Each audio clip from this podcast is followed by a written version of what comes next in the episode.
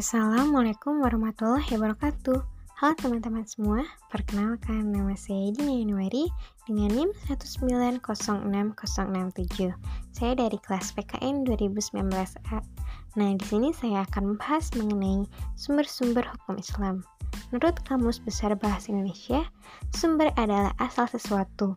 Adapun sumber hukum Islam itu sendiri adalah asal atau tempat pengambilan hukum Islam. Dalam kepustakaan hukum Islam di Indonesia, Sumber hukum Islam kadang-kadang disebut dengan dalil hukum Islam ataupun dasar hukum Islam.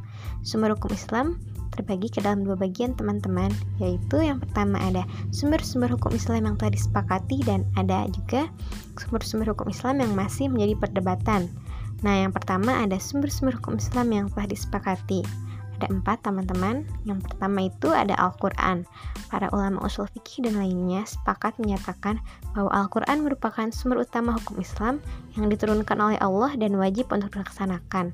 Yang lalu yang kedua ada As-Sunnah. Sunnah secara bahasa berarti cara yang dibiasakan atau cara yang terpuji nih teman-teman. Nah, secara istilah pun menurut ulama usul fikih, sunnah adalah semua yang bersumber dari Nabi Muhammad SAW. Selain Al-Quran, baik berupa perkataan, perbuatan, ataupun persetujuan. Lalu yang ketiga ada ijma. Ijma secara bahasa adalah kesepakatan atau konsensus ataupun juga berarti tekad ataupun niat. Sedangkan secara istilah adalah kesepakatan ahli fikih mujtahid pada suatu masa atas suatu hukum syariat tertentu. Lalu yang terakhir ada kias nih teman-teman. Nah, kata kias berasal dari kata koso, yaitu telah mengukur. Ada juga ya dari kata yakishu, yaitu senggang mengukur. Dan juga arti dari kata kias itu sendiri yaitu ukuran. Jadi kata kias itu artinya ukuran, sukutan, ataupun timbangan.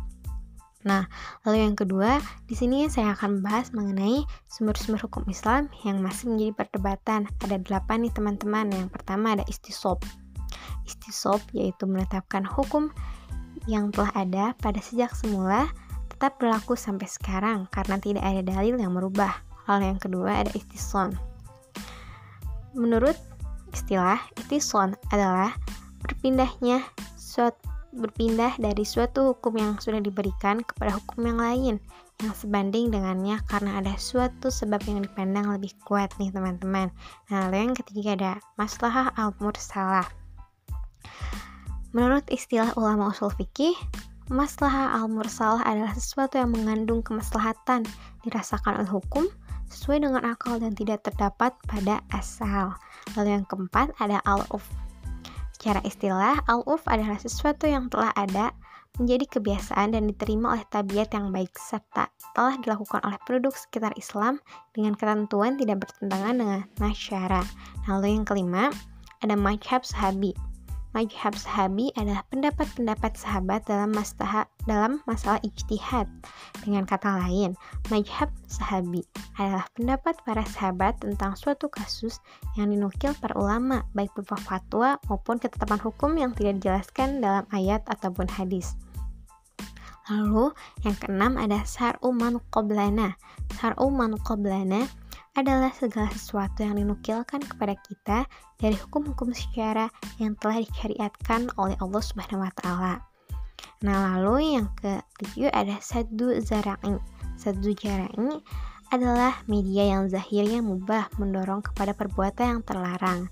Adapun definisi lainnya yaitu bahwa satu zara'i adalah mencegah sesuatu yang menjadi jalan kerusakan ataupun menyumbat jalan yang dapat menyampaikan seseorang pada kerusakan nih teman-teman. Nah lalu yang terakhir ada dalalatul ikhtiron Dalatul iktiron secara bahasa berarti dalil yang bersama-sama atau berbarengan. Secara istilah adalah dalil yang menunjukkan bahwa sesuatu itu sama hukumnya dengan sesuatu yang disebut bersama-sama.